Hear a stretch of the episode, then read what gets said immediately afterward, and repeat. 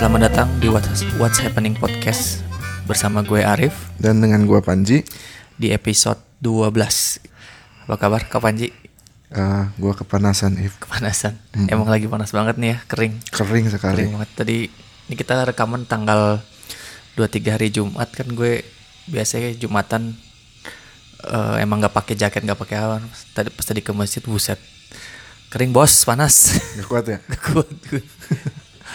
Makanya kita langsung beli kopi dingin Iya. biar ngedemin. Gue juga di jalan ngeliatin rumput-rumput yang di sebelah trotoar gitu Iya, kan. iya. Pada kuning-kuning gila. Bahaya tuh kalau Udah lama banget nggak hujan Iya. soalnya. taman juga di depan ini kering gitu nggak nggak nggak ada hujan ada hujan sih kemarin dikit ngerasain nggak hari apa ya hari Sabtu minggu kemarin rasanya Gue nggak kebagian. di kebagian Gua ya nggak daerah kita kayaknya emang gue di daerah ke barat. Oh. di Pasteur.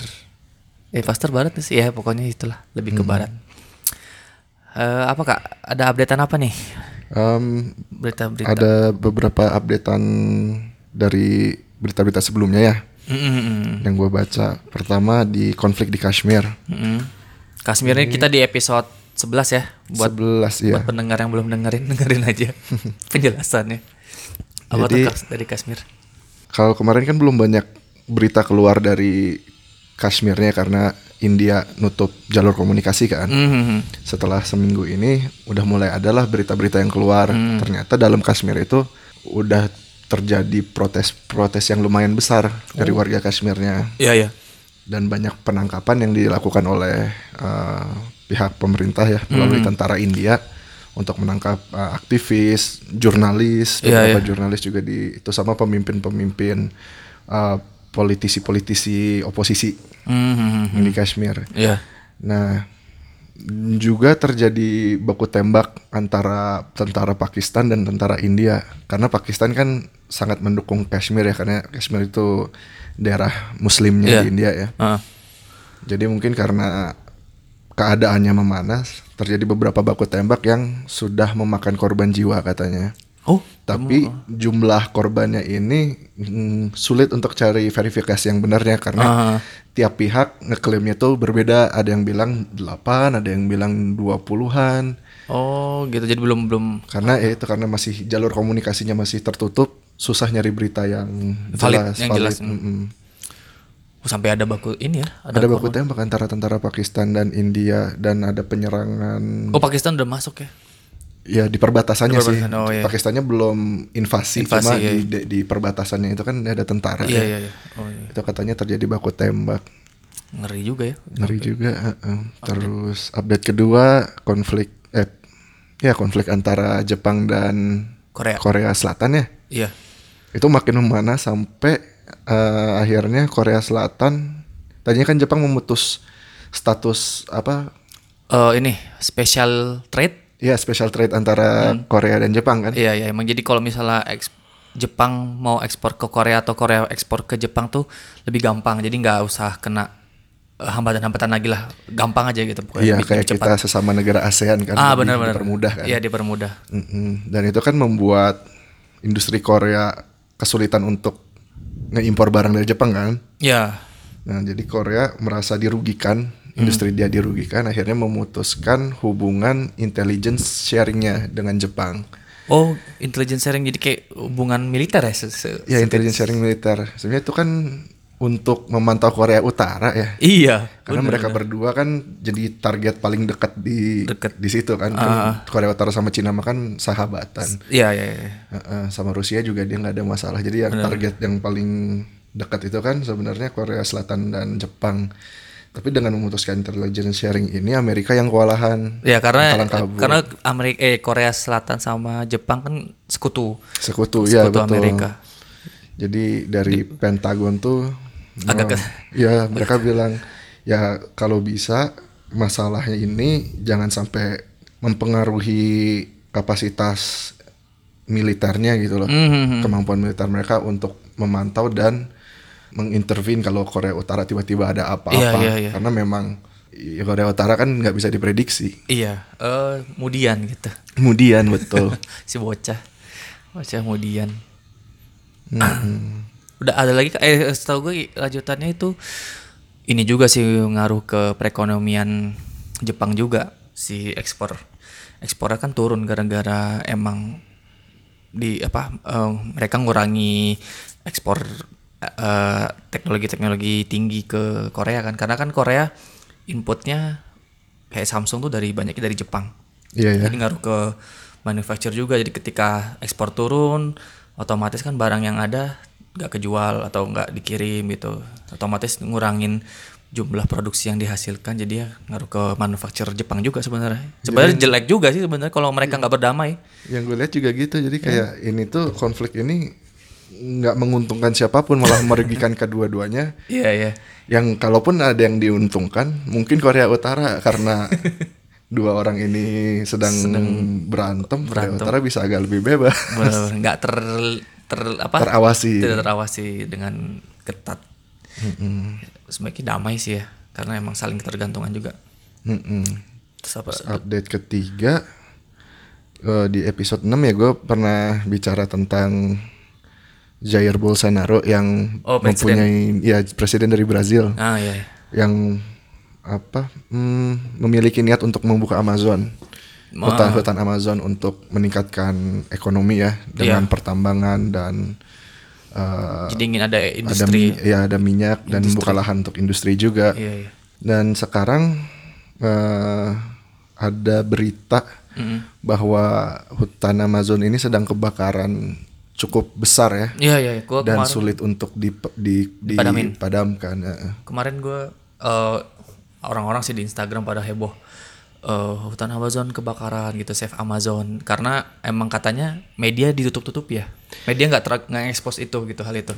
Jadi setahu gua kita kan baru gue juga baru baca tuh minggu ini ya atau ya awal-awal minggu ini bahwa Kemarin itu cuma fast news doang kali ya. iya Amazon kebakaran tapi eh, nggak tahu kan separah apa. Iya iya. Setelah diteliti sama eh, setelah diulik-ulik sama wartawan BBC ya kalau nggak salah.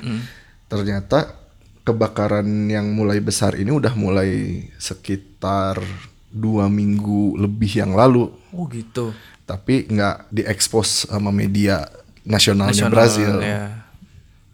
Berarti yang ngulik eh, wartawan luar ya. Wartawan luar justru yang akhirnya ngebreak uh, berita ini Ada duluan. bu- kayak kebakaran ngeri sih kayak magma gitu sih kalau gue lihat. Iya, Bukan makanya kayak magma ya kayak gitu lah. Glacier. Kayak- masalahnya kan di Amazon juga masih ada penduduk aslinya ya yang Penduduk as- belum yang terlihat belum- iya, ter- terekspos juga dan belum dikontak oleh dunia luar uh, dan gitu. ada keragaman hayat yang masih belum terekspos juga kan masih banyak Nah, rahasia-rahasia juga. di situ kan yang belum ya orang apa peneliti juga mungkin takut mau, mau Iya, karena hutan ya, untuk untuk meneliti di hutan itu bukan hal yang gampang butuh Iya, iya. waktu, butuh persiapan. cadangan oksigen dunia kan dari situ juga kan Iya. 20% Kalau ada makanan enak yang kebakar terus punah, gua aduh sakit hati. sebagai penikmat Sebagai penikmat makanan. itu sebenarnya kebakarannya tuh disengaja atau kan ini emang lagi musim panas ya panas Iya. cuaca ekstrim juga Mm-mm. atau emang ada eh, saling ini maksudnya saling berhubungan gitu jadi seben- sebenarnya mah pemerintah eh, bukan pemerintah sih oknum lah eh, nebang terus bakarnya dikit gitu taunya kan wah lagi musim panas nih gitu. karena banyaknya lahan gambut mungkin Nah ini yang belum bisa dicari ya penyebabnya kenapa Iya, iya. karena masih saling tuding.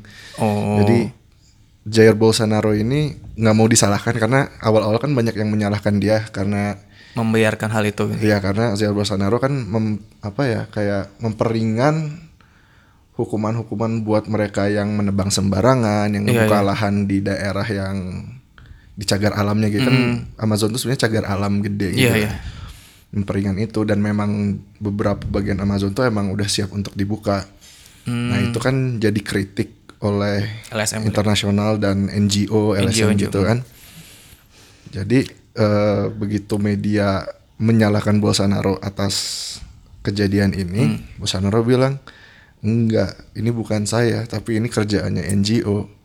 Mereka sengaja bakar hutan setelah saya nggak lagi ngasih apa namanya oh subsidi eh subsidi apa ya, dana dana dana un- kepada mereka. iya iya iya iya Jadi mereka bakar hutan untuk menyalahkan saya untuk membuat pemerintahan saya terlihat jelek. jelek dan ini butuh butuh validasi juga butuh koreksi juga mungkin. Gue pernah baca sepintas eh, karena padahal waktu zaman-zaman Bolsonaro nyalonin tuh dia sebenarnya anti ya pro LSM lah gitu. Maksudnya dia nggak eh, anti penebangan hutan, for apa deforestasi kan ini jatuhnya. Iya, heeh. Dia dia dia sebenarnya anti yang gitu. Cuman sekarang-sekarang malah ya NGO menyalahkan dia juga gitu gitu. Yang jiwa juga menyalahkan dia karena kayak perlindungan alamnya kan di hukum-hukum perlindungan alamnya banyak yang dicabut Iya iya. dan ya dana dana untuk NGO yang punya misi untuk melestarikan hutan kan akhirnya dicabut semua sama dia. Oh, gitu. Jadi memang ada konflik dari dari awal pemerintahan Bolsonaro ini udah ada konflik dengan NGO-NGO itu. Iya iya iya. Jadi saling tuduh menuduh. Benar sih saling tuduh mirip-mirip di kita juga sebenarnya ya. Iya. Kan kita ya ini buat orang-orang gue agak ya kesel sih maksudnya orang Indonesia nih ya nggak apa-apa sih bener peduli terhadap Amazon ya cuman lu harus ngeliat juga nih di Kalimantan dan di Sumatera kan masih aja ke- kebakaran kalau nggak kalau mereka sadar gitu kan. Iya. jadi ya apa ya nggak apa-apa sih eh, nge-share tentang Amazon. Cuman ya gue nggak prihatin juga sih. Eh, ya pengennya juga mereka nge-share tentang kasus kebakaran hutan di Kalimantan dan Sumatera juga gitu biar sama dan dan ini kasusnya mirip-mirip lah gitu untuk industrialisasi gitu kan Iya, soalnya kan mereka ngebakar hutan itu untuk membuka lahan kan. iya membuka lahan Dan menurut gua karena memang tahun ini di Brazil juga kan sebenarnya menurut gua sih Hmm. kenapa ini terjadi itu awalnya ada orang-orang yang ingin membuka lahan dengan cepat. Iya, Akhirnya iya. Dilakukan dengan pembakaran Iya. kan sebenarnya itu paling cara paling cepat. Iya. Tapi karena memang lagi kering, lagi panas, Iya. kebakaran eh, pembakarannya itu tidak bisa dikontrol, Iya. ke mana-mana. mirip kita kasus tahun 2015-16 pas Pak Jokowi baru menjabat tuh yang sampai asap udara iya. sampai Singapura Sampai ke sam- eh, Malaysia, iya. eh, sampai Merlion nggak kelihatan gitu atau Itu zaman SBY dulu juga tahun 2012-an gitu ya. 12-an ya. Jadi 2000 Yang parah banget sampai ke Malaysia. ah, sampai Malaysia Mm-hmm. itu kan sebenarnya hal yang sama gitu. Sebenarnya kan itu pasti udah ada izin dari pemerintah ya ketika mereka ingin mengubah hutan menjadi hutan tanaman industri emang itu ada peraturannya. Iya, mm-mm. Cuman yang disayangkan itu kenapa pe- apa memangkas lahan itu harus dibakar sih gitu. Iya itu. Itu sih yang sangat disayangkannya gitu. Makanya kan sempat setelah terjadi kebakaran yang besar-besaran tuh tahun 2000 Mm-mm. ya terakhir ini eh apa 2014 15 tahun 16 lupa gue. Mm-mm. Eh, perusahaan-perusahaan sawit dikena hukuman sih Ah, didenda bagus ya. heeh, di biar karena mereka ke- terbukti melakukan hal itu pembakaran hutan dengan sengaja padahal mereka juga sebenarnya ngebakar hutannya dikit sebenarnya Iya. cuman karena emang lagi musim panas momen gitu Iya. dan lahan-lahan di Sumatera dan di Kalimantan. Kalau nggak salah banyak lahan gambut. Nah hal itu ketika musim kering tuh dia jadi gampang mudah kebakar gitu sih. Mm-mm. makanya. Ya sekarang juga masih ada cuman nggak nggak begitu parah dari itu sih. Yang di Sumatera masih ini nggak? Udah ter- sudah dipadamkan atau udah belum? udah udah dipadamin sama ini sih kerja sama sama perusahaan sawit juga. Ah mereka mau ini ya ngebantu ya. ah itu kayak CSR mereka sih. Hmm, kalau yang di Kalimantan masih ya cuma udah mulai masih Bisa dikontrol ya? ah, kan beberapa minggu yang lalu Pak Jokowi juga rapat kan rapat tentang ya ke- kebakaran hutan itu pokoknya eh Menterian Lingkungan Hidup TNI sama polisi itu harus oh, kerjasama lah supaya mademin itu gimana caranya gitu ya sebenarnya ada tanggung jawab juga sih dari pemerintah dan perusahaan ya Mm-mm. tapi ya jangan sampai ya menurut gua harus fair juga lah gitu lu nge-share misalnya untuk ini ya influencer-influencer gitu. Eh, lu nge-share tentang Amazon tapi lu negara lu sendiri nggak itu ntar pas udah nyampe Pulau Jawa baru aja ngeluh "Wah, ini sih sih." Iya biasanya gitu sih. Iya. Kalau kita nggak kena dampaknya, ya bodoh amat. Iya, kok kok gua kan bahkan kita juga kan udah ini udah nyeritain tentang Amazon udah dari awal bulan nih. Eh, bulan Juli malah. Kita kita podcast yang episode 6 kan kita ngebahas itu. Mm. Ya dulu belum kebakaran sih Amazonnya sih. iya belum belum sampai cuman ada rencana begitu ya. Iya, ada rencana pembukaan lahan. Bener bener bener. Udah kita kita lebih duluan tahu ya. Kita, Ibaratnya ya alhamdulillah prediksi kita ya sayangnya sih terjadi gitu. terjadi. Gue nggak eh, sampai segitunya nggak tahu bakal sampai segitunya. Gua kira dia akan membuka lahannya itu dengan cara yang lebih terkontrol ya. Kalau nggak taunya ya sama kayak di Sumatera gitu Iya, dengan Mungkin dia mencontoh kita. Ya. Iya, karena kan Brazil sama Indonesia tuh negara berkembang, maksudnya cara-cara yang digunakan ya nggak jauh beda lah pasti. Emang bakar itu cost efektif dan time efektif sih Iya sih. gue. karena dia paling cepat paling dan cepet, paling, murah paling murah gitu. tapi paling sulit dikontrol Paling sulit dikontrol. Makanya kan waktu yang kita itu juga sama, hal kayak gini juga ngebakarnya dikit cuman merembetnya itu loh yang susah susah dikontrol. Titik Iya, panas betul. apinya itu yang tiba-tiba nambah dari sini sini sini sini gitu. dan yang gue bikin bingung kenapa nggak dijadwal gitu pembakaran tuh pas musim panas ya diberhentikan dulu lah maksudnya musim kan mereka bisa ngeliat gitu ini ada waktu-waktu kritis api gampang menyebar Iya, ya iya. kan kenapa pas pas jangka waktu itu nggak di stop dulu gitu loh Ah.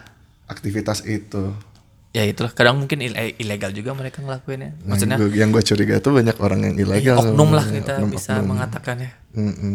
Gitu. Ada lagi Kak dari Brexit nggak ada? Dari Brexit, ah iya kemarin si Boris Johnson eh, bertemu dengan Angela Merkel dan Emmanuel Macron ya, Oh, chancellernya Jerman sama presidennya Prancis Chancellor. untuk eh, meminta keringanan. eh, membuka negosiasi Oh, untuk negosiasi. Brexit.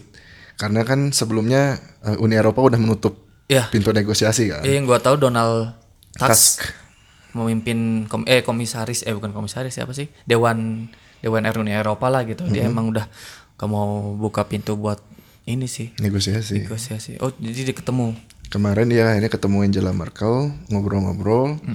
Angela Merkel bilang ya ya untungnya Angela Merkel dia dia ini ya dia nggak nggak nggak mau sampai Inggris hancur juga gitu dan karena di situ Irlandia juga kan masih bagian Uni Eropa perlu proteksi dan perlu solusi di situ. Iya. Dan ini si Jerman masih ekspor bahan juga ke Iya Inggris kan sih. ya ada ada kepentingan ekonomi juga Iya, iya. sebenarnya kan. Iya. Dan untungnya juga si Boris Johnson bisa bersikap sopan selama Oh. ketemu dengan biasanya kan dia agak nyeleneh ya orangnya. Hmm. Kadang-kadang kata-katanya juga nggak Gak disaring. kan. nggak disaring. Kemarin ya mungkin karena dia perlu banget nih Iya, bantuan, jadi dia bisa bersikap sopan. Dan yang gua baca sih, jadi akhirnya Angela Merkel dan Macron eh, setuju untuk membuka sedikit pintu negosiasi. Membuka sedikit. Hmm. Mm-mm. Tapi mereka meminta bahwa perjanjian yang udah disodorkan oleh Theresa May Hmm. itu di- yang dijadikan sebagai basisnya, sebagai dasarnya. Oh, Jadi, iya, iya, iya. Kalau Johnson mau bikin perjanjian baru dari nol, kemungkinan besar nggak akan diterima. Hmm.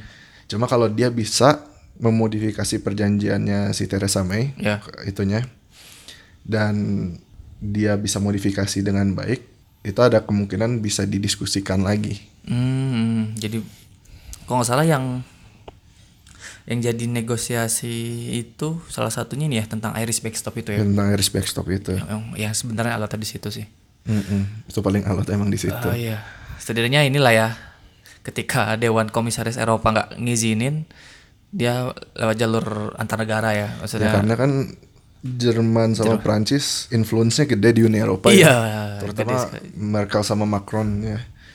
Terutama Jerman sih. Jerman sih yang Dan yang gue lihat juga kemarin Angela Merkel lebih hangat ya mm, untuk berdiskusi dengan Johnson dibanding Macron. Kalau Macron agak lebih kekeh gitu. Dia nggak mau terlalu apa ya ngebaik-baikin Inggris. Nggak- nggak- ya karena tetanggaan banget kan dari dulu banyak Oh, Inggris sama konflik, iya, iya, Prancis kan ya.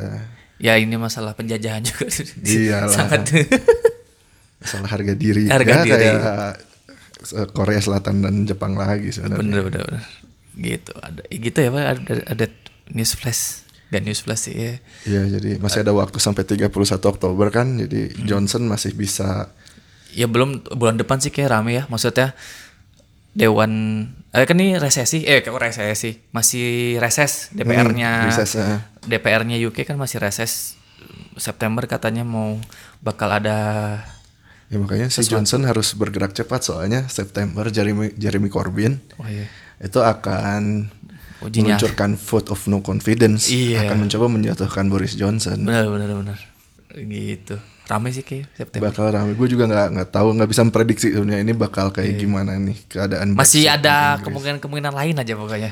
Iya ada masih ada. Iya kan? Terutama setelah Merkel sama Macron sedikit ngebuka pintu Sedikit negosiasi, wah ini outcome-nya bisa macam-macam nih. Hmm. Dan Boris Johnson sekarang nggak bisa semena-mena, maksudnya dia nggak bisa berandal dengan nggak bisa dengan Iya yang gue lihat sejak dia jadi PM dia agak lebih Egonya. behave ya, Iya, agak lebih menjaga sikap ya. Iya iya. Karena emang pressure dari masyarakatnya juga gede kan. Hmm, pressure. Eh apa kalau gue sih yang berita cepatnya kemarin eh Bank Indonesia nurunin tingkat suku bunganya menjadi 5 5,50 persen. Jadi itu tingkat suku bunga tuh eh, acuan untuk perbankan menentukan tingkat bunga kredit atau eh, deposito depo- apa tingkat bunga kredit maupun tabungan. Ini men- mengindikasikan bahwa kalau gue liatnya ya eh, bahwa Bank Indonesia ini lebih cenderung untuk meningkatkan eh, ini ekonomi real gitu. Jadi kalau misalnya tingkat suku bunga turun, biasanya tuh eh, diiringi dengan harapannya tuh dengan tingkat suku bunga kredit turun. Jadi kan kalau ting- kredit turun kan lu lebih ingin ngajuin kredit kan, lebih Iya. murah bunganya Iya, iya. gitu. Jadi ingin menggenjot aktivitas ekonomi real karena emang emang dunia usaha membutuhkan itu Hmm. gitu. Kalau tahun kemarin tuh bunga cenderung na apa tingkat suku bunga cenderung naik karena emang eh istilahnya tuh stability over growth. Jadi yang penting stabilitas dulu nilai tukar dulu nih daripada Oh, oke. oke. pertumbuhan ekonomi. Kalau sekarang terlihat pertumbuhan ekonomi dulu baru stabilitas karena kan Jokowi udah pasti presiden gitu. Ah dia udah bisa bertindak agak ini ya agak lebih Ekspansif gitu iya. ya. Tapi sebenarnya BI ini ini sih apa? netral. Hmm, hmm, hmm. emang netral jadi dia ngelihat perkembangan apa dunia juga kan bahwa dunia nanti bank-bank sentral Amerika juga kayaknya bakal mau nurunin bunga karena Resesi? Enggak. nggak juga sih belum resesi maksudnya ingin menambah ini aja pertu apa inflasi mungkin mau dinaikin atau pertumbuhan ekonominya yang naik Hmm, Jadi menurut tuh langkah Bank Indonesia ini gimana?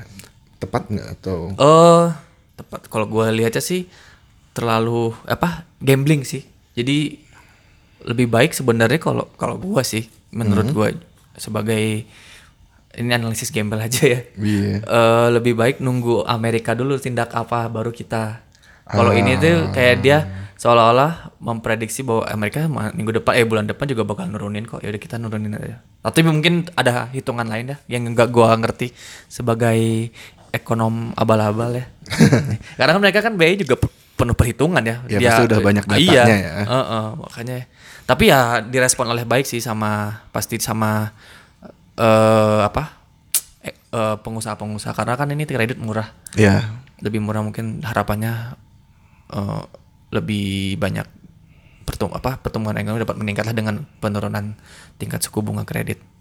Berarti kan jadi pengusaha-pengusaha bisa lebih Ngambil ngambil, Ngambil kredit. Iya, kredit modal kerja, investasi gitu-gitu. untuk Ya, mengembangkan usaha-usaha Ah, yang ada di Indonesia. Dan emang inflasi kita stabil gitu. Hmm. Terus eh, pertumbuhan ekonomi kita masih bertumbuh. Paling yang masalah itu ya kita karena kebanyakan impor aja sih. Neraca perdagangan apa ya, maksudnya ekspor impor kita yang agak agak masih harus digenjot gitu. Hmm. Ekspornya terutama. Ekspornya harus lebih disimbangkan ya dengan Iya, impornya. nah ya. itu mungkin B- eh, BI ngejarnya ke situ sih. Hmm. Nilai tukar rupiah juga maksudnya so far rapi eh nggak rapi stabil lah. gitu. Stabil ya, Nggak- nggak nggak nggak terlalu naik turun. Ah, ya. ah. Dan emang BI ngejaga itu sih. Makanya mungkin dia berani nurunin. Dan sentimen luar negeri udah mulai mereda nih kayak Cina juga udah ingin negosiasi juga kan masih lagi proses lagi juga gitu. Mungkin karena disulitkan dengan perang dagang itu ya. Cina. Iya. Diper- Disulitkan karena perang dagang gitu.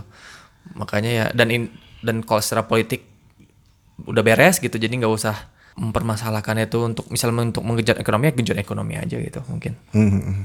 Dan emang BI bilang dia ingin meningkatkan aktivitas ekonomi real sih. Yang gue baca waktu di koran bisnis deh kalau nggak salah. Emang targetnya sekarang itu ya. Ah, ah, targetnya sekarang itu. Kalau tahun kemarin kan stabilitas stabilitas dulu. Hmm. Jadi biar nilai tukar. karena kemarin itu ya apa tahun-tahunnya pemilu jadi Yang penting ekonomi distabilin dulu aja. Eh, biasanya gitu, biasanya kayak eh, zaman 2009 gitu, terus 2014 gitu. Oke, itu emang strategi strategi pemilu ya. Eh, Atau gimana? BI yang ngikutin mungkin ya ke pemilu. Yang penting nggak nggak, maksudnya kan biar menjaga daya beli juga ya. Oh ya. Jadi ketika misalnya nggak stabil tuh kan tiba-tiba inflasi naik gitu-gitu gawat juga di di di masyarakat Hmm, gitu sih. Ya eh, ini ya- ya hanya opini pribadi aja sih, jangan dianggap serius. Ya kalau salah ya emang salah gitu ya emang. kalau terserah kalau nggak setuju jangan pendapat gue ya emang. data kita nggak selengkap BI soalnya nih. iya, kita mah pengamat pengamat hal tidak penting. Oke. Eh itu ada lagi kan? Akhirnya ini itu tadi flash news ya. Flash news ya. Kalau berita-berita besarnya apa Ip, yang lagi lu Oh, yang- amati nih? Yang gua amati sih ini sih tentang pemindahan ibu kota. Jadi kan Pak eh, Pak Jokowi waktu tuh 16 Agustus kan ada pidato kenegaraan tuh sebelum 17 Agustus biasanya gitu kan. Ya. Pidato kenegaraan di DPR. Jadi dia minta restu untuk memindahkan ibu kota ke Kalimantan. Udah dipilih akhirnya. Udah udah udah dipilih ke Kalimantan. Kan sebelumnya sempat bingung tuh Kalimantan kah atau masih di Pulau Jawa atau di mana? Udah pasti di Kalimantan. Kalimantan. Yang udah pasti di Kalimantan cuman daerahnya belum. Tapi ini ini ya hashtag, bukan hashtag apa sih? Quote unquote Hmm, eh, gosipnya Ya. Kementerian ya pertanahan nggak salah. Mm-mm.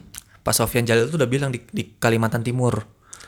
Gosipnya ya. Eh, eh, atau di, di- tadi gua baca di di bisnis sih begitu ya. Ya soalnya yang gue baca juga yang terpilih katanya Kalimantan Timur sih. Ah, spesifik daerahnya gosip. Kok ini gosip? Ya, gosip. Spesifik daerahnya tuh Samarinda. Oh, di di Samarindanya atau Samarindanya. di dekat-dekat Samarinda? Bisa jadi. Oh, Bukit bukan- Soeharto di mana Bukit Soeharto? Bukit Soeharto di Lu kan lebih lebih dekat ke Balikpapan sih. Iya. Dia tuh di antara Balikpapan dan Samarinda Bukit Ah, Soeharto tuh. pokoknya daerah situ. 30 km dari Balikpapan. Lu kan pernah ditinggal di Balikpapan kan kak? Iya, gue pernah tinggal di Balikpapan di Kalimantan Timur. Kalimantan Timur kan, nah itu pokoknya di Dulu dulu itu tempat tempat camping tuh Bukit Soeharto. oh gitu. Heeh, gua camping di sana. Tapi itu tanah negara nggak sih atau tanah Soeharto? tanah negara itu. Tanah negara. kan, nah. Mm, dinamain Bukit Soeharto karena ya untuk menghargai presiden kedua kita ya Oke. Pak Soeharto. Yang membangun kalau nggak salah Soeharto dulu banyak membangun di sana di Kalimantan. Oh, jadi sebagai penghormatan dinamain lah. Sebenarnya itu daerah daerah perlindungan kalau nggak salah. Dulu Apa? mah. Hutan. hutan iya. Daerah untuk yang dilindungi. Jadi nggak boleh ada apa pengem- pengembangan industri atau apa di situ. Iya, karena kan kalau yang gue lihat sih sebenarnya ya antara itulah Samarinda atau nggak Balikpapan. Karena di situ infrastruktur udah terpenuhi, misalnya kayak bandara, mereka dua-duanya ada. iya oh bendara Balikpapan bagus sekarang Iya kan? Ada kapal, apa pelabuhan. pelabuhan ada ya Ya. Terus apa lagi? Yang belum paling kereta. Sama tol udah mau dibikin. Hmm. Balikpapan sama tol udah mau Samarinda, iya. dibikin. Terus Oh ya kenapa Kalimantan kan karena emang bencana apa meminimalisir bencana. Oh iya dia daerah yang nggak Relatif Banyak, aman. iya, relatif ge- aman. Gempa enggak. Maksudnya ada cuman maksudnya kecil banget daripada di Pulau Jawa. gunung berapi nggak ada Berarti nggak ada. Terus banjir, belum. banjir jarang sih ya di balik eh, gua waktu di Balikpapan ada lah beberapa kali banjir Paling gede. meluapnya sungai paling. ya meluapnya sungai cuma ya selama penat apa penataan kotanya baik kan itu bisa di Ya. Terus terus oh, kebakaran hutan paling resiko agak iya, ininya ya. iya sih, iya. Itu juga sih cuman ya itulah meminim ya itulah kenapa Pak Jokowi pengen pindah tuh karena kan di Jakarta udah apa kemacetan, banjir, terus tanahnya mulai tanah ini ya, mulai turun, kan tiap ya. tahun berapa senti gitu 8 gitu ya. Mm-mm. Turun terus resiko tenggelamnya gede Eh, sekarang iya, walaupun udah ada giant seawall yang mau dibangun cuman tidak berguna sepertinya. oh iya sih Eh, terus ya udah bukan sumpek juga sih, maksudnya emang kondisinya udah terlalu emang nggak cocok sih ketika pusat pemerintahan digabung sama pusat bisnis ya. Hmm, Iya kan? Kalau di Jakarta kan pusat pemerintahan, pemerintahan, iya. pusat bisnis, pusat, hiburan. Hiburan ya Hiburan kan nggak baik gitu tiga tiga pusat bukan ekonomi juga ya tiga pusat tiga tiga penarik masa bukan ya? Iya tiga tiga penarik iya tiga penarik masyarakat kan jadi orang banyak banyak Ya perputaran uang juga 80% dari Jakarta eh terutama Pulau Jawa ya. Di Jakarta paling 60% di Jakarta gitu perputaran uang di Iya, seluruh Indonesia gitu banyak besarnya di Jakarta gitu. Jadi nggak nggak baik ketika itu di jadi ya pemerintah lebih baik jangan di satu kota juga. Jadi lu setuju dengan pemindahan ibu kota ini? Kalau pemindahan ibu kota yang sekarang kan kayak gue nggak setuju sih. Ya gue nggak begitu setuju, nggak setuju malah. Karena gini, kalau gue ngelihat ya pemindahan ibu kota tuh ya boleh, tapi jangan sekarang gitu. Masih banyak hal-hal yang bisa duit itu tuh untuk hal yang lain gitu. Misalnya kayak, eh kalau misalnya eh, Jakarta kan masih bisa dibenahi gitu Iya. Tambahin aja misal transportasi umum eh walaupun udah udah rumit sih nggak ngurusnya juga gitu cuman setidaknya masih bisa ada harapan buat dibenerin lah Itu kan maksudnya sekarang juga udah diberlakukan ganjil genap. Iya, Ya, tapi iya. tetap macet kan. iya iya sih iya sih ojol nih masalahnya Jangan nyalain aja. canda canda eh maksudnya ada hal-hal yang lebih penting lah daripada ngebangun ibu kota karena biayanya 441 miliar eh triliun iya pasti gede. gede sih. banget kalau mau sekarang gue sih lebih seneng masih di Pulau Jawa ya Karena karena infrastrukturnya udah pada dibangun nggak usah buat ngebangun ah, lagi jadi untuk biaya pembangunannya, Ah, ah, pemindahannya minim- juga lebih iya. kecil ya. Heeh.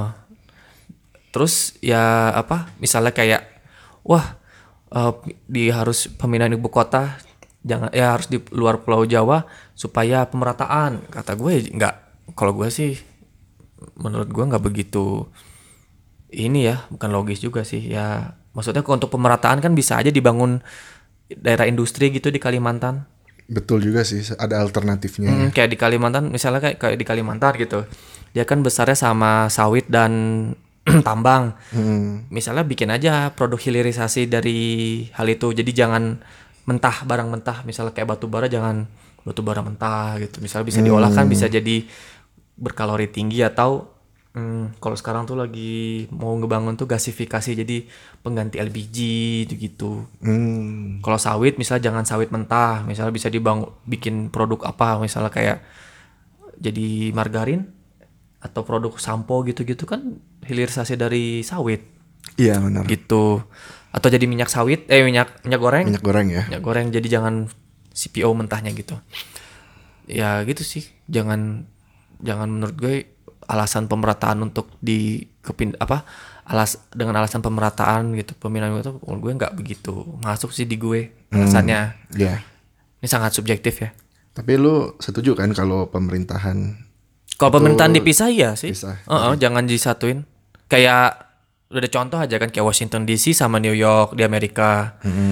Terus eh, Tokyo sama Kyoto. Eh Jepang apa ya Jepang bukannya tetap di Tokyo ya pemerintahan. Jepang Tokyo cuman itunya Kyoto gitu Kalau. Kyoto tuh pusat budaya Oh, setahu budaya gua. budaya atau apa ya Yang atau Jepang bukan atau enggak ya kalau nggak salah kan kemarin eh, pusat pemerintahannya Korea Selatan justru yang dipindahin ya dari Seoul ke Seoul ke Sejong oh ke Sejong ya. iya Itu baru kan ya? itu baru baru du- 2000 2015 terus ada kayak Delhi ke New Delhi eh India Dari dari Kalkota. oh Ke- kalau salah dari Kalkota ke Delhi kan. iya iya ke New Dulu Delhi dulu banget kan Brazil juga ngumpul tuh semuanya satu di Rio. Rio de Janeiro, Janeiro, jadi akhirnya. Brasilia Ya pemerintahannya dipindahin ke Brazil ya. Dan negara tetangga kita oh ya Malaysia itu kan pernah Malaysia. ditinggal di Malaysia kan Ya itu juga menurut gua efektif sih waktu pemindahan Malaysia dari semuanya berpusat di Kuala Lumpur terus pemerintahannya ke Putrajaya pindahin ke Putrajaya terus buat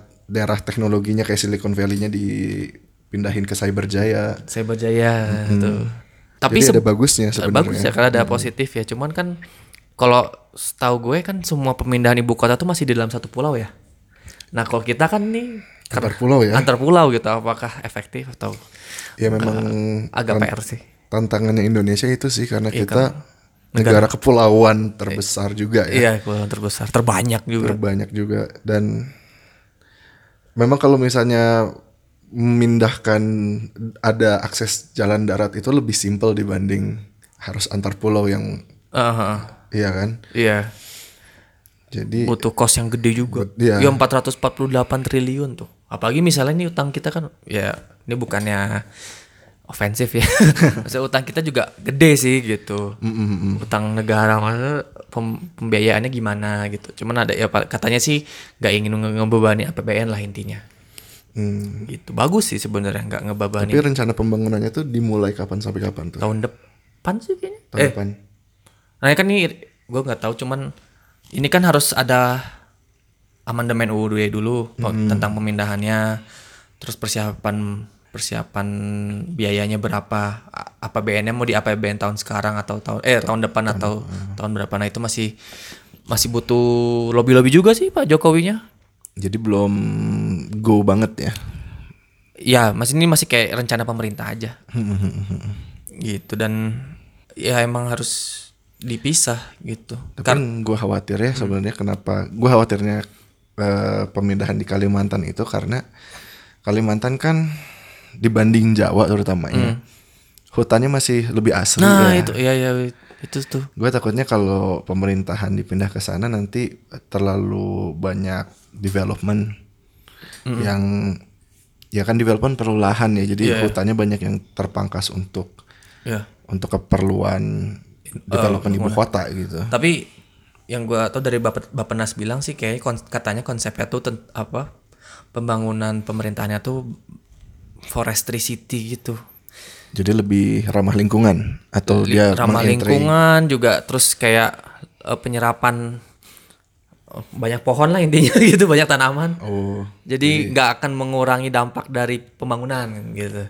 Hmm. Jadi tetap tetap asri gitu.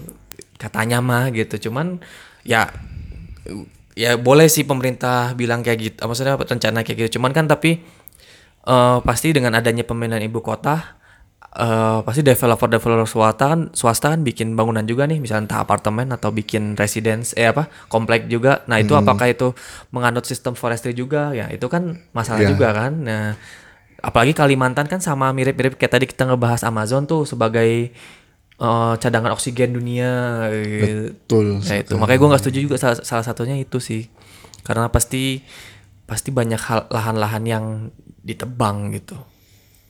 Apalagi ini di bukit Bukit Soeharto. Nanti kalau misalnya bukitnya digundulin gak ada penampungan air, banjir juga di kota Samarindanya atau gimana nya.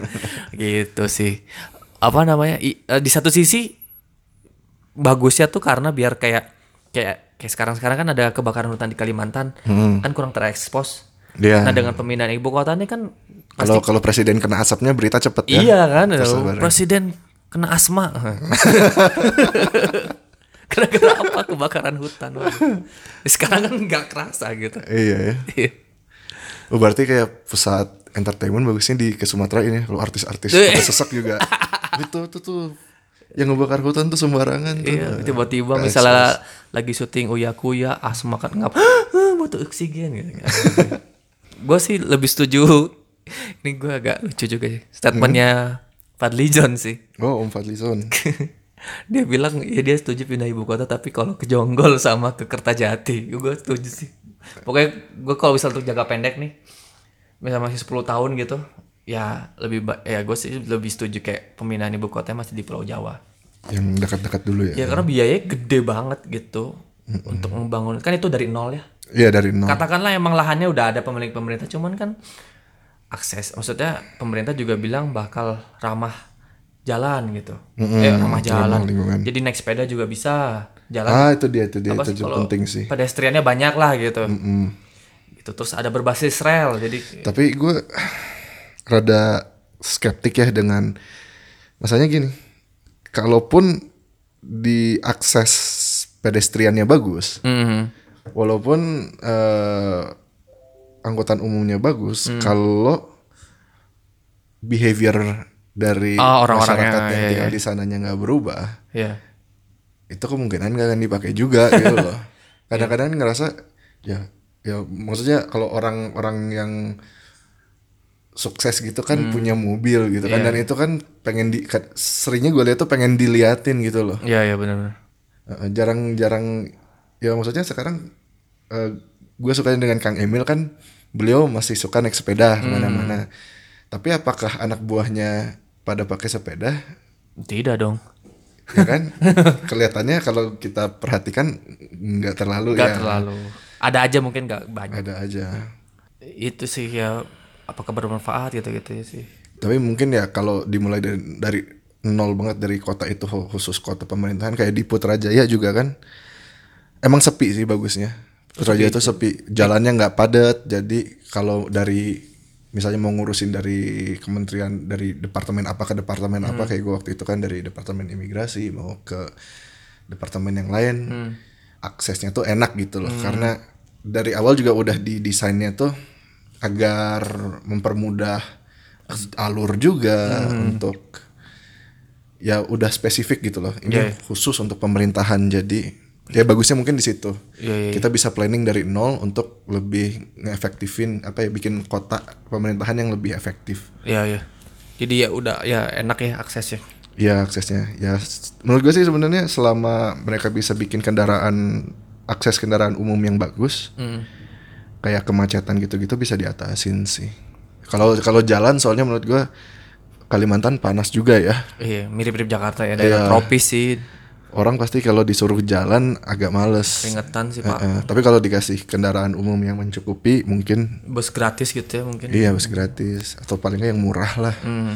yang bisa bayar bulanan murah gitu untuk Iya. akses sepuasnya ya itu menurut, menurut gua lebih bagus sih Gue gue berharap ada resisten dari DPR lah ya. Tapi mengingat mayoritas DPR itu dipegang oleh pemerintah apa? kubu Gue pemerintah gue jadi nggak yakin. gue berharap karena ini menurut gue ada ada proyek-proyek yang bisa dijalin lebih gitu daripada harus pindahin ibu kota. ya pembangunan kita masih banyak PR-nya ya Hmm, masih banyak.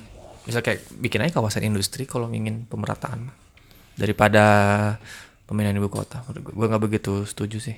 Boleh tapi di Bandung aja. Eh di Bandung, di Jawa, sorry. Di Pulau Jawa. Gitu. Bandung udah padat bos Iya, janganlah. Eh, ada lagi nggak kak tentang ibu kota? Em, tentang ibu kota apa ya? Eh, ini apa? Tapi kalau di Malaysia kan maksudnya jaraknya cuma berapa kilo dari Malaysia ke Putrajaya tuh? oh dari Kuala Lumpur ke Putrajaya paling berapa ya 8 70 80 kilo seingat gua kalau gua naik mobil tuh setengah jam 40 menitan lah Dan itu mau bikin macet nggak? Maksudnya terurai nggak kemacetan? iya Iya. iya kalau di di Kuala Lumpur kan karena masih kota ininya ya kota industrinya ya Pas-pas lo dulu ya belum. Ya, jadi masih ya di Kuala Lumpurnya macet, masih ada, walaupun nggak separah Jakarta atau Bandung kalau gue lihat ya. Tapi di Putrajayanya sendiri itu relatif kosong, Sepi. hampir nggak pernah gue lihat macet di kita Putrajaya. kita pernah ya ke sana ya? Kita pernah ke sana. Yang gedungnya ini ya apa sih? Eh desainnya tuh berbagai dari negara, eh berbagai desain dari Iya dia ada influence dari eh, arsitektur Arab Islamik itu, terus dicampur dengan arsitektur Eropa juga. Iya, iya, iya. yang Jadi aneh-aneh itu. mm, terus terus pusat si perdana menterinya itu kan kayak di atas bukit gitu dia. Oh gitu. Iya. Emang emang menurut gua kotanya untuk untuk kota pemerintahan sih jadinya bagus ya karena ya karena sepi sih. Iya, iya. Jadi nggak kecampur-campur gitu. Kalau gue kenapa belum urgent pindah? Karena sebenarnya gue baca di koran bisnis tuh bahwa kayak startup startup gitu tuh sebenarnya udah nggak banyak lah. Sekarang mungkin tetap banyak ya. Dulu tuh sempet dua tahun setahun ke belakang tuh sempet ada yang pindah bukan di Jakarta gitu si headquarternya Headquartersnya. di BSD Ah. gitu jadi eh, apa mulai bergeser si Central Business District ini tuh. Mm, yang tadinya berpusat di Sudirman atau kuning oh, kuningan gak ding? Eh Sudirman iya. Sudirman atau enggak di Gatot Subroto atau di TB Simatupang. Nah ini nih udah mulai berkurang. Si jadi orang orang bikin apa, di to, kan tower to- kan banyak tower ya di Jakarta. Ya. tower-tower itu tuh beberapa ada yang kosong nggak diisi karena udah pada pindah Oh. ke BSD atau ke pinggir-pinggiran ke Jakarta karena dinilai eh, harganya nggak udah mahal gitu harga per sewanya mungkin Yang di Jakarta. Mm-mm. terutama di TBC Matupang ya katanya sepi deh Sekarang lagi sepi ya. Heeh, Banyak banyak banyak gedung kosong ya. Heeh. Sayang ya sebenarnya. iya makanya jadi ya pusat bisnis digital mungkin udah bergeser ke BSD ya. dan emang BSD mau dirancang untuk jadi Silicon Valley-nya kita bagus bagus bagus jadi semuanya dikumpulin di satu tempat Dan kayak perusahaan-perusahaan gede kayak Unilever udah ke sana. hmm Banyak kok yang ke sana tuh, gua rasa. Eh bahkan kayak Trans TV deh udah beli lahan di situ. oh gitu Oh, di BSD. baru tahu gue Jadi sebenarnya tinggal nung- dibenahin aja sih si Jakartanya. Heeh. tapi apakah tapi menurut gue itu juga PR sih karena Iya sih, banyak. penduduknya udah banyak banget Iya. dan Udah udah banyak yang emang agak sulit dirubah sebenarnya kebiasaan-kebiasaannya. ya kebiasaan-kebiasaannya sulit dirubah Iya. udah gitu kan kayak infrastruktur jalan segala macamnya udah sulit diutak-atik ya maksudnya Iya sih. karena lahannya udah kepakai Mentok. hampir sepakai kepake semua ya jadi kalau mau ngutak-ngatik lagi agak sulit tapi Ya. emang Jakarta kan punya nilai sejarah Hmm. karena ya itu kejadian kemerdekaan ada di Jakarta Iya.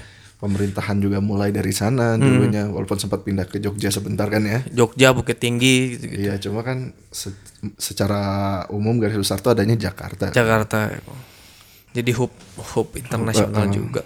Ya semoga ada yang terbaik lah buat yang buat terbaik ya. jadi sesuai dengan planningnya. Mm-mm. Nah, kalau pindah pasti banyak nanti banyak problema lah yang bisa kita bahas. Iya benar. Apalagi ini kan mulai dari nol gitu. Mm-mm. Gitu. Ada lagi kak? Lu apa? Kalau lu?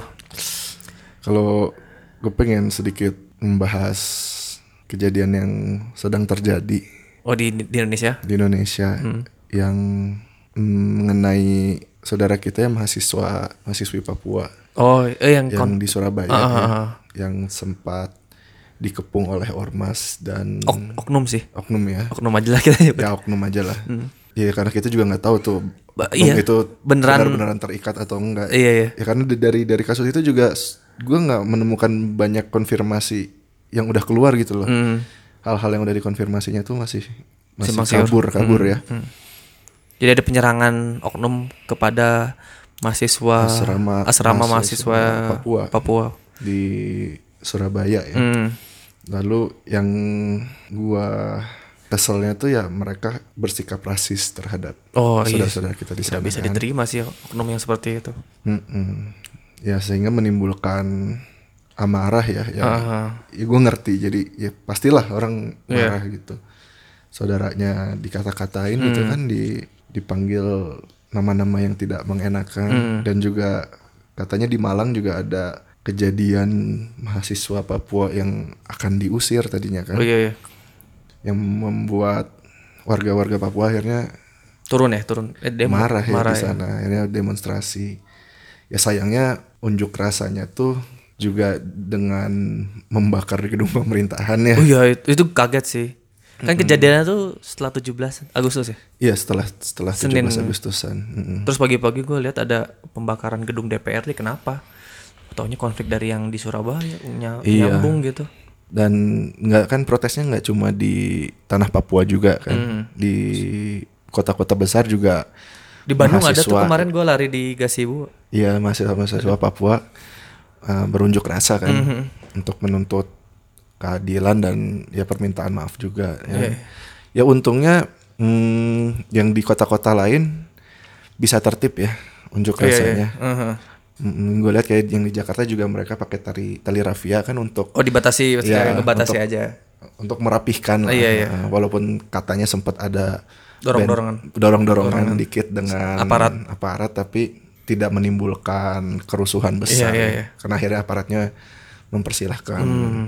demonya berlanjut ke istana kan. Iya. Hmm, dan mungkin respon dari pemerintah juga masih dibilang kurang oleh masyarakat Papua. Iya, iya. Yang gue juga ya mungkin gue ngerti ya gue nggak bisa ngerti banget sih cuma Hmm. gimana ya gue pernah pernah merasakan jadi minoritas gitu kan di, di negara orang lain Iya. ya dan nggak enaknya ya nggak enaknya jadi minoritas tuh sempet ngerasain lah Hmm. walaupun pasti beda lah eh, pengalaman gue dan pengalaman Oh, saudara yang di Papua. saudara saudara kita yang di Papua ya yang udah bertahun-tahun mungkin merasa dikesampingkan Mhm. bahwa ya sebenarnya Indonesia kan juga banyak diuntungkan dari Papua ya dari Iya. dari hasil-hasil alamnya oh, oh. tapi dari dulu pembangunannya nggak sepesat yang Sepesat di kita Jawa. rasakan Iya, di iya. Jawa Eh, gitu Ya gue sedih juga sih sempat ada konflik gitu gitu kenapa sampai hal itu terjadi gitu. Mm-mm. Penanganan pemerintah juga ini ya ak- eh, internet diput internet di, akses internet ya diputus. Sebenarnya tuh ada positif negatifnya sih. Po- negatifnya mungkin pemerintah niatnya supaya kabar simpang siur yang hoax tuh tidak menyebar gitu. Jadi Iya. bikin ma- memanas gitu. Iya betul. Tapi mereka juga kesulitan lah ya. Misalnya ketika ingin menunjukkan bahwa mereka itu ada sesuatu gitu. Iya sejauh ini kan em, tindakan seperti itu udah beberapa kali dipakai di negara lain juga ya. Kayak waktu protes Hong Kong yang sebelum ini kan mereka matiin internet di Hong Kong kan Cina. Eh, terus waktu yang banyak demo-demo di Arab Arab Spring itu kan banyak oh yang ya ya, ya Arab ya kan Spring ya, ya. Arab Spring di beberapa negara Arab tuh akhirnya jalur tele- telekomunikasi kan diputus Hmm. biar pertama demonstran sulit untuk berkomunikasi satu sama lain Hmm. terus penyebaran eh, berita-berita yang nggak benar nggak benar itu diminimalisir Hmm. tapi banyak yang menyebut strategi ini sebagai strategi opresif kan? Di kayak ini orang yang berkuasa nggak mau kekuasaannya ditantang. Hmm. jadi akhirnya dia mutusin komunikasi yang yang sebenarnya penting kan untuk iya uh, koordinasi. perlawanan koordinasi kan. Gue juga bingung sih maksudnya ini langkah yang benar atau enggak atau gimana? Karena Hmm. di satu sisi ya terlihat seperti langkah opresif, ya tapi di sisi lain juga sebenarnya uh, dibutuhkan juga dibutuhkan gitu. ya dibutuhkan karena emang uh, hoaxnya ini loh yang bikin Yang yang yang di ya takutnya itu Hoax. kan takutnya dengan dengan dipanas-panasin malah ada pertumpahan darah yang Iya. bisa di, dihindarkan gitu. Up- eh, update sekarang gimana lu baca lagi nggak gue gue sih gue nggak pengen nggak baca sama karena gue sedih gitu. Kalau sampai ada terjadi maksudnya kan ini ngelawan maksudnya bukan ngelawan sih. Ini kan konflik di dalam apa konflik sesama saudara gitu kan. Jangan sampai rusuh gitulah.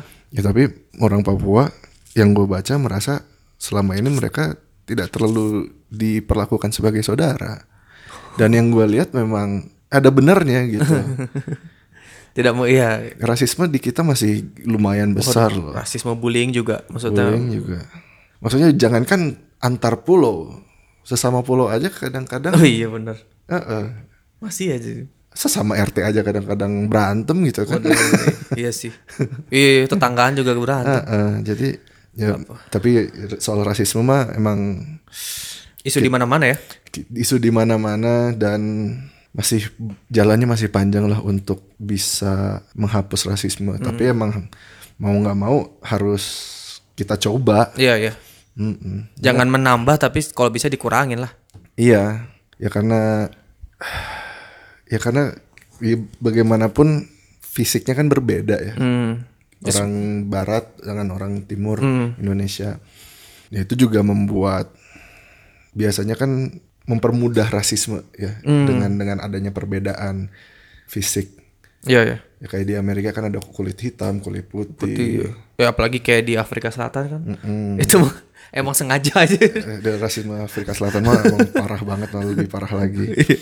Terus zaman dulu kan eh, kayak kalau orang Yahudi kan katanya hidungnya gede, itu kan itu jadi kayak orang hidung gede itu jadi target dulu kan waktu zaman Nazi segala macam. Ya memang eh gak bisa dihilangin gitu bisa dihilangkan Bisa, bisa. cuma sulit Oh, iya, tapi ya kita yang sadar bahwa rasisme itu tidak memiliki tempat di eh, masyarakat modern ya hmm. ya kita bisa merangkul teman-teman kita yang ngajak lah untuk kita sama-sama mulai menghilangkan rasisme Hmm. melihat bahwa ya manusia tuh ada bedanya tapi intinya semuanya sama kok bener dan juga ya emang di Indonesia pembangunan belum merata ya? Iya bener kayak gue waktu di balik papan ngerasain banget tuh. Mungkin lu kan juga dulu pernah di Medan ya? Di Langkat sih. Di Langkat. nggak di Medannya ya di Medannya. Maksudnya standar kalau gue dulu standar pendidikan di Kalimantan sama di Jawa tuh beda banget. Ah. ya misalnya gue punya dapat nilai di UN ya. Hmm. dapat nilai 80 di balik papan begitu nilainya dibawa ke Jawa misalnya gue mau uh, masuk SMA di Jawa gitu Iya. kan gue lulus SMP mau masuk SMA di Jawa Heeh. nilainya 80 itu harganya di Jawa nggak 80 bisa jadi 70 atau 65 oh dulu gue nggak tahu sekarang gimana oh iya iya, iya. cuma dulu seperti itu jadi artinya kan misalnya gue dapat 100 Hmm. di balik papan gue nggak akan bisa lebih nggak bisa sama dengan itu udah maksimal loh 100 tuh kan iya, iya, udah mentok. maksimalnya gue di balik papan itu masih di bawah maksimalnya. di Jawa Eh, eh, berarti kan standar pendidikannya beda beda. Karena Iya. kayak kalau nggak salah dulu kayak ada kelas-kelasnya yang Jawa itu kelas satunya. Iya iya iya. Terus ntar di kota-kota besar di pulau-pulau tuh masih kelas 2 Hmm. Ntar di pedalaman-pedalaman ini kelas 3 Iya, iya. Kalau nggak salah ya dulu kayak gitu. Dan ya menurut gue juga kemungkinan itu terjadi di seluruh Indonesia, apalagi di bagian yang lebih paling jauh dari Jawa, Iya, kayak iya. di Kepulauan Maluku, Maluku, di Timor, Papua, Papua. ya makanya banyak gerakan-gerakan yang ingin merusak Kedaulatan. kedaulatan Indonesia kan ya karena memang mereka merasakan ketidakadilan sih. Hmm. Jadi mereka merasa kalau mereka bisa ngatur tanahnya sendiri akan Hmm. lebih baik. Iya. Dan sebenarnya Presiden Jokowi kan emang nggak pengen Jawa sentris Nah, itu. ekonominya. Nah, sebenarnya udah ada beberapa apa kebijakan yang udah dimulai gitu. Kayak misalnya kan dia ngebangun kawasan ekonomi khusus tuh.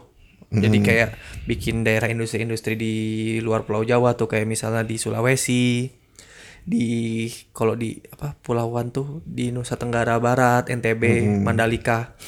Terus kayak di Papua juga udah ada tuh di So- Sorong gitu ya atau apa. Ya itu supaya mereka nggak ketergantungan terhadap hmm, Papua kan gedenya itu di sumber daya alam, Ya, terutama di pertambangan. Nah, supaya nggak ketergantungan terhadap itu. Jadi eh, pemerintah ngebangun kawasan industri industri gitu gitu. hmm, Cuman ya karena emang kawasan gitu apa ya infrastrukturnya masih juga lagi diproses Masih gitu kan. proses Eh, ya, dan ini kan kebijakannya jangka panjang nggak bisa langsung diserap cepat gitu. ya memang karena ya maksudnya kebanyakan bagian Indonesia tuh selama 74 tahun ini ketinggalan sama Jawa. Iya sih. Ketinggalannya bisa lumayan jauh di Lumayan beberapa bagian terpencil ya. Iya sih. Jadi untuk ngejarnya butuh waktu Butuh waktu bener. dan pemerintahan yang berganti-ganti kebijakan juga berganti-ganti kan. Iya. Kalau misalnya sekarang Presiden Jokowi mau memeratakan belum tentu programnya itu dilanjutkan oleh presiden berikutnya yang punya agenda yang berbeda beda. mungkin. Iya kalau syukur-syukur kalau misalnya dari partai yang sama atau koalisi yang sama kalau taunya beda, beda lagi kebijakannya gitu-gitu kan. Iya, jadi memang mestinya partisipasi rakyat ya mungkin ya yang paling efektif untuk ya mengingatkan pemerintah gitu loh. Iya. dan ya dimulai dengan kita mulai melihat semua saudara kita tuh sebagai sama, Sama Indonesia. Hmm. sebagai orang Indonesia ya tidak dibeda-bedakan lah Iya, dan ya walaupun sulitnya lagi karena kita negara Pulauan kepulauan juga ya. bukan iya. jadi eh, mungkin dari dulunya roadmap untuk pembangunannya tuh mungkin salah dari dulunya jadi terlalu Java sentris kan jadi Hmm. mestinya mungkin dari dulu disiapkan lah apa tuh daerah-daerah ekonomi, Ekonomi, khusus di pulau-pulau itu yang tidak dilakukan begitu loh Hmm. Eh iya sih. Ah, harapan lu apa Kak misalnya sama untuk sekarang ya atau ada updatean maksudnya? ya kan sekarang yang gue baca terakhir eh, di Papuanya sendiri protesnya mulai menyebar ke kota-kota Lain. Besarnya ya Hmm. dan Kan protes yang gede itu kan awalnya di Papua Barat. di Papua Barat ya. Ya, gue sih berharap pertama nggak ada pertumpahan darah ya, semuanya bisa berjalan dengan aman Iya, iya. dan kalau ada kalau bisa perusakan perus- perusakan itu di- dihentikan. Iya, Jadi kita punya hak loh untuk untuk demonstrasi untuk protes itu dilindungi kan di undang-undang. Iya. Gunakanlah hak itu kalau mem ya menurut gue em, rakyat Papua sedang sekarang sedang marah. Gunakan hak itu. Hmm. tunjukkan protes. Mahasiswa-mahasiswa juga kalau mau protes eh, dilanjutkan gitu ya di di kota-kota lain ya silahkan. Ya tapi se- sesuai dengan hukum kalau bisa. Jangan sampai merusak jangan sampai ada bentrok dengan aparat yang berlebih. Kalau dorong-dorongan menurut gua biasanya itu terjadi, Terjadi, ya. ya, ya. cuma ya sebisa mungkin eh, rapih dan semoga keadaan di Papua cepat stabil. Hmm. Semoga Presiden Jokowi juga nanti bisalah mendengarkan aspirasi rakyat Papua Iya. dan mencari Solusi. solusi diplomasinya lah jalan Hmm. tengahnya. Kalau nggak salah minggu depan mau ke sana deh. Kalau nggak Iya. salah. mm. dan ini sih semoga masyarakat Papua jangan mudah terprovokasi sama berita-berita yang gak bener sih nah itu tuh yang bahaya Ya itu, kayaknya kita semua perlu iya sih untuk untuk menerima berita tuh perlu dicek dan triple check dan Iya, cek iya. triple check lagi deh karena sekarang di masa internet ini sulit sekali untuk eh banyak sekali berita-berita yang nggak benar ya. Hmm. yang, yang bisa aja itu selundupan oknum yang ingin kita terpecah belah Iya kayak oknum-oknum yang yang memulai ini semua kan beri, dia kayak mendapat berita adanya pelecehan bendera Hmm. Indonesia tapi kan sampai sekarang belum ada buktinya gitu kalau itu terjadi Hmm. Iya, iya. di asrama itu gitu. Hmm, sangat disayangkan sih eh, konflik Ya semoga ya kita sebagai kita bangsa yang beragam memang ya. iya Itu kan salah satu kebanggaan kita sebenarnya Hmm, dulu kan.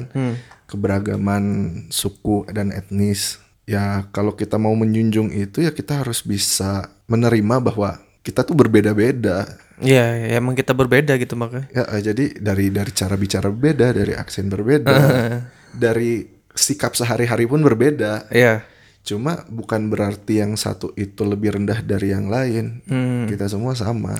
Ya di, di di setiap daerah tuh mungkin ada orang yang baiknya, ada orang yang buruknya. Itu normal Iya, gitu loh. Jangan sama-sama aja gitu eh, jangan karena ada satu aktor buruk itu jadi semua semua dicap buruk eh, semua dicap buruk. Semoga nggak nggak terjadi ya perpecahan lah. Iya sih, gue berharap ini baik-baik aja dan semoga mm, masya- Aman lah. ma- aman masyarakat Papuanya juga sudah bisa apa damai gitu. Mm-mm.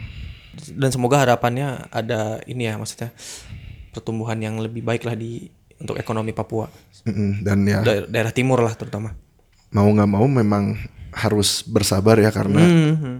eh, perubahannya ini nggak akan instan Iya benar. karena memang yang harus dikejar tuh banyak banget Iya. dan di mana-mana gitu kan. Dan maksudnya regulasi-regulasi pun kan banyak Mm, banyak cuma macam-macamnya.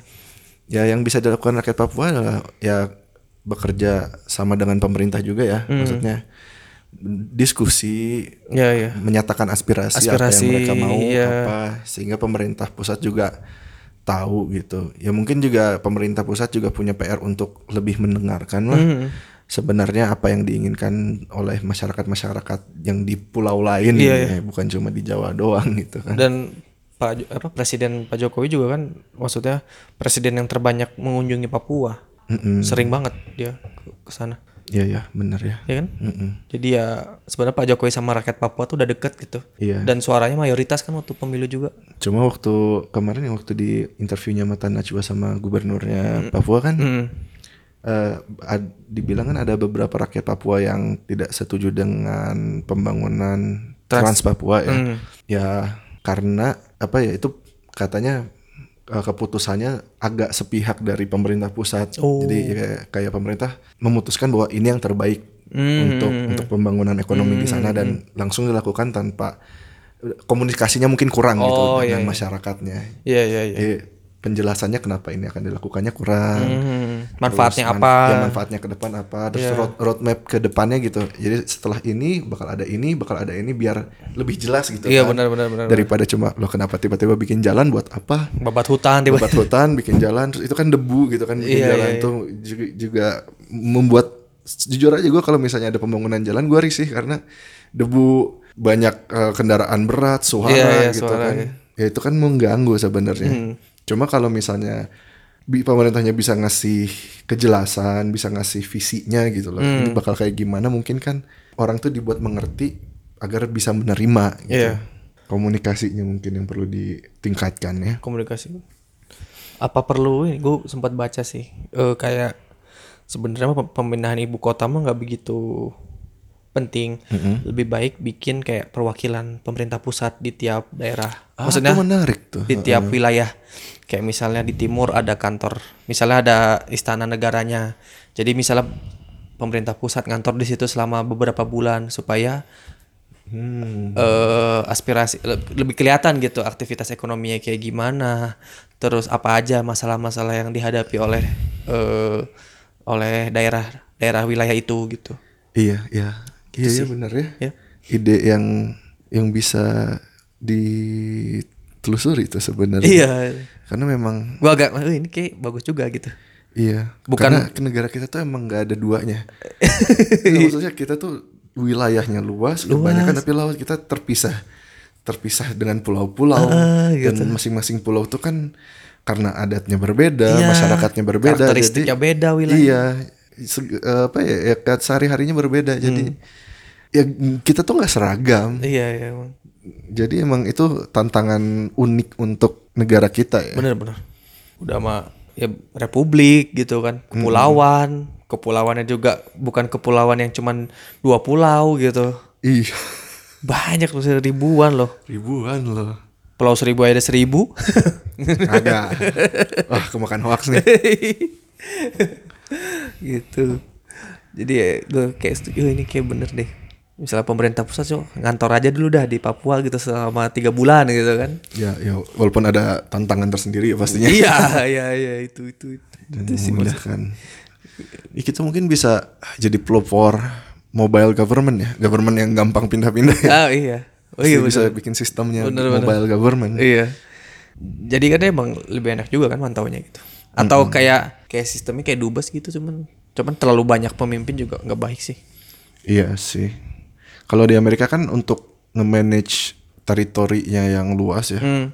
Itu kan memang setiap state itu punya kayak hukumnya sendiri, Hmm. punya otonomi yang lebih gitu loh. Oh iya iya, gue tahu. Itu kan sistem Amerika. Hmm, Gua nggak tahu apakah itu di Indonesia bisa dilakukan dengan baik atau enggak. Kita kan sistem otonomi daerah udah ada. Udah ada, cuma tapi kan- nggak semuanya. Iya kan masih masih maksudnya menurut gua levelnya masih sedang atau rendah lah. Iya iya. Kalau di Amerika kan kayak setiap negara bagian, namanya juga udah negara bagian bukan provinsi lagi kan. Iya iya. Setiap negara bagian tuh punya kebebasan yang lebih lah da- dalam menentukan hukum, dalam menentukan ka- untuk karena mereka berpikir ya central government nggak akan bisa ngerti masyarakat yang Di di wilayah dia di gitu. wilayah lain gitu Iya, kan. iya. Jadi ya udah. Eh, memang sistemnya jadinya rumit sih. Kalau gue lihat ya. Tapi kayak kan sebenarnya ada peraturan. Jadi kan gini, ribetnya Pak Jokowi apa atau pemerintah pusat sekarang tuh ketika pemerintah pusat ngajuin peraturan, nerbitin misalnya perpres gitu, nggak bisa langsung diterapin ke daerah. Karena waktu itu tuh ada kalau dulu bisa terus di di di apa digugat karena kan kita kan daerah sendiri gitu. Jadi peraturan yang ada di pemerintah pusat bisa aja ditolak sama pemerintah daerah. Ah ya sama kayak di Amerika kan. Heeh, gitu. Mm, Jadi Federal ya- law-nya bisa ditolak sama eh, negara Iya, bagian eh, itu. jadi nggak bisa dipaksain gitu. Makanya itu agak susit, eh susit lagi sulit juga untuk bisa nerapin. Ya mungkin baik untuk jangka panjangnya, cuman kan kayak pemerintah daerah ngelihat ya kita belum siap kok buat peraturan itu gitu. Jadi Iya ya. ya, gitu gitu sih. Jadi kayaknya butuh disruption di government sih sekarang ini. Iya. Untuk Gua berharap ada ini sih kayak bukan kementerian ya, ya atau kementerian, kementerian yang ngurusin eh, undang-undang. khusus gitu. ya. Oh, khusus. Jadi kayak kan ini undang-undang ada yang kalau bahasa Sundanya Pak Baliut gitu. Maksudnya Iya, ada iya, yang ada yang eh, multi menteri gitu atau ada yang s- bentrok sama kementerian lain gitu. Jadi sehingga eh atau bentrok sama daerah pemerintah daerah nah sehingga butuh ada ke ada yang diurusin apa ada menteri ini tuh supaya ngurusin oh ini undang-undangnya nggak bener nih gini gini gitu sih Hmm. daripada digugat di MK terus Iya jadi buang-buang waktu juga ya. Iya. Ya, Dan itu kan yang yang menghambat investasi. Oh. Jadi pe- pengusaha tuh nggak berharap bahwa adanya pemotongan pajak. Pengusaha tuh berharap adanya kepastian hukum. Udah itu aja. Di Indonesia mah gitu ya. Hmm. Kepastian hukum, kepastian regulasi, ya udah itu. Itu sih daripada mereka inisiatif pajak-pajak-pajak gitu. Hmm. Nggak, mereka nggak apa-apa bayar pajak tinggi daripada eh, nggak ada kepastian. Mungkin itu ya kelemahannya partai politik yang banyak gitu di Indonesia. Oh iya bener sih. Kalau di Amerika kan paling antara Republikan sama Demokrat. Jadi Iya, iya. ya kalau yang jadi presidennya dari Demokrat udah tau lah roadmapnya gimana. Paling lanjutin yang sebelumnya yang Iya. sempat tertunda ya. Kalau di Indonesia kan kayak di kepentingannya jadi ke mana-mana Hmm. gitu. Ketika udah beda koalisi udah.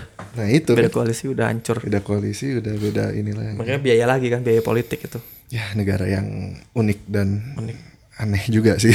Eh. Tapi ya itulah negara kita. Iya. Mau gimana lagi? Hmm, Bineka Tunggal Ika. Bineka Tunggal Ika. Ya semoga Eh semoga konflik ini beres sih dan berakhir bahagia. Ya dan semoga ke depannya konflik seperti ini Nggak ada lagi ya. nggak ada lagi ya. Ya gue sih ber- masih positif lah berharap ini bisa lah. Hmm. Semoga ya semoga ini nggak konflik nggak berlanjut ya. Karena kan kita agak susah juga dapat informasi sekarang karena ditutup. Nggak ditutup sih. Iya, Internetnya iya. dimatiin di sana. Update beritanya juga Iya, gue nggak nggak nggak begitu baca karena gue sedih gitu. Ngeliat yang gini-gini tuh gue nggak pengen gitu. sama sih. sama gue. Oh ya gue kalau di Twitter atau di berita ini gue skip karena gue sedih gue nggak nggak tiga aja bacanya. Tuh. Udah kali kak atau ada apa lagi? Ya kita tutup dari di situ aja kali ya dengan harapan agar Indonesia tetap bersatu, agar masyarakat juga saling merangkul lah. Saling Jangan- merangkul. Jangan dorong-dorong. Mhm. Harus tetap positif Mm-mm. karena Indonesia tidak mudah terpecah belah. Epis oh ya kalau misal ada kritik atau saran bisa ke Twitter kita ada Oh iya, at apa nih WH underscore pod WH underscore pod ya. atau ke Instagram pribadi kita juga ada gue ah, gue Arif Dwi Utama Gua, gua lupa Instagram gua apa. Gypsy Gypsy ya, DJIPS ya. iya, Gypsy 37 37. ya udah eh, gitu aja kali ya Hmm, sampai kita- jumpa di episode selanjutnya. Shining out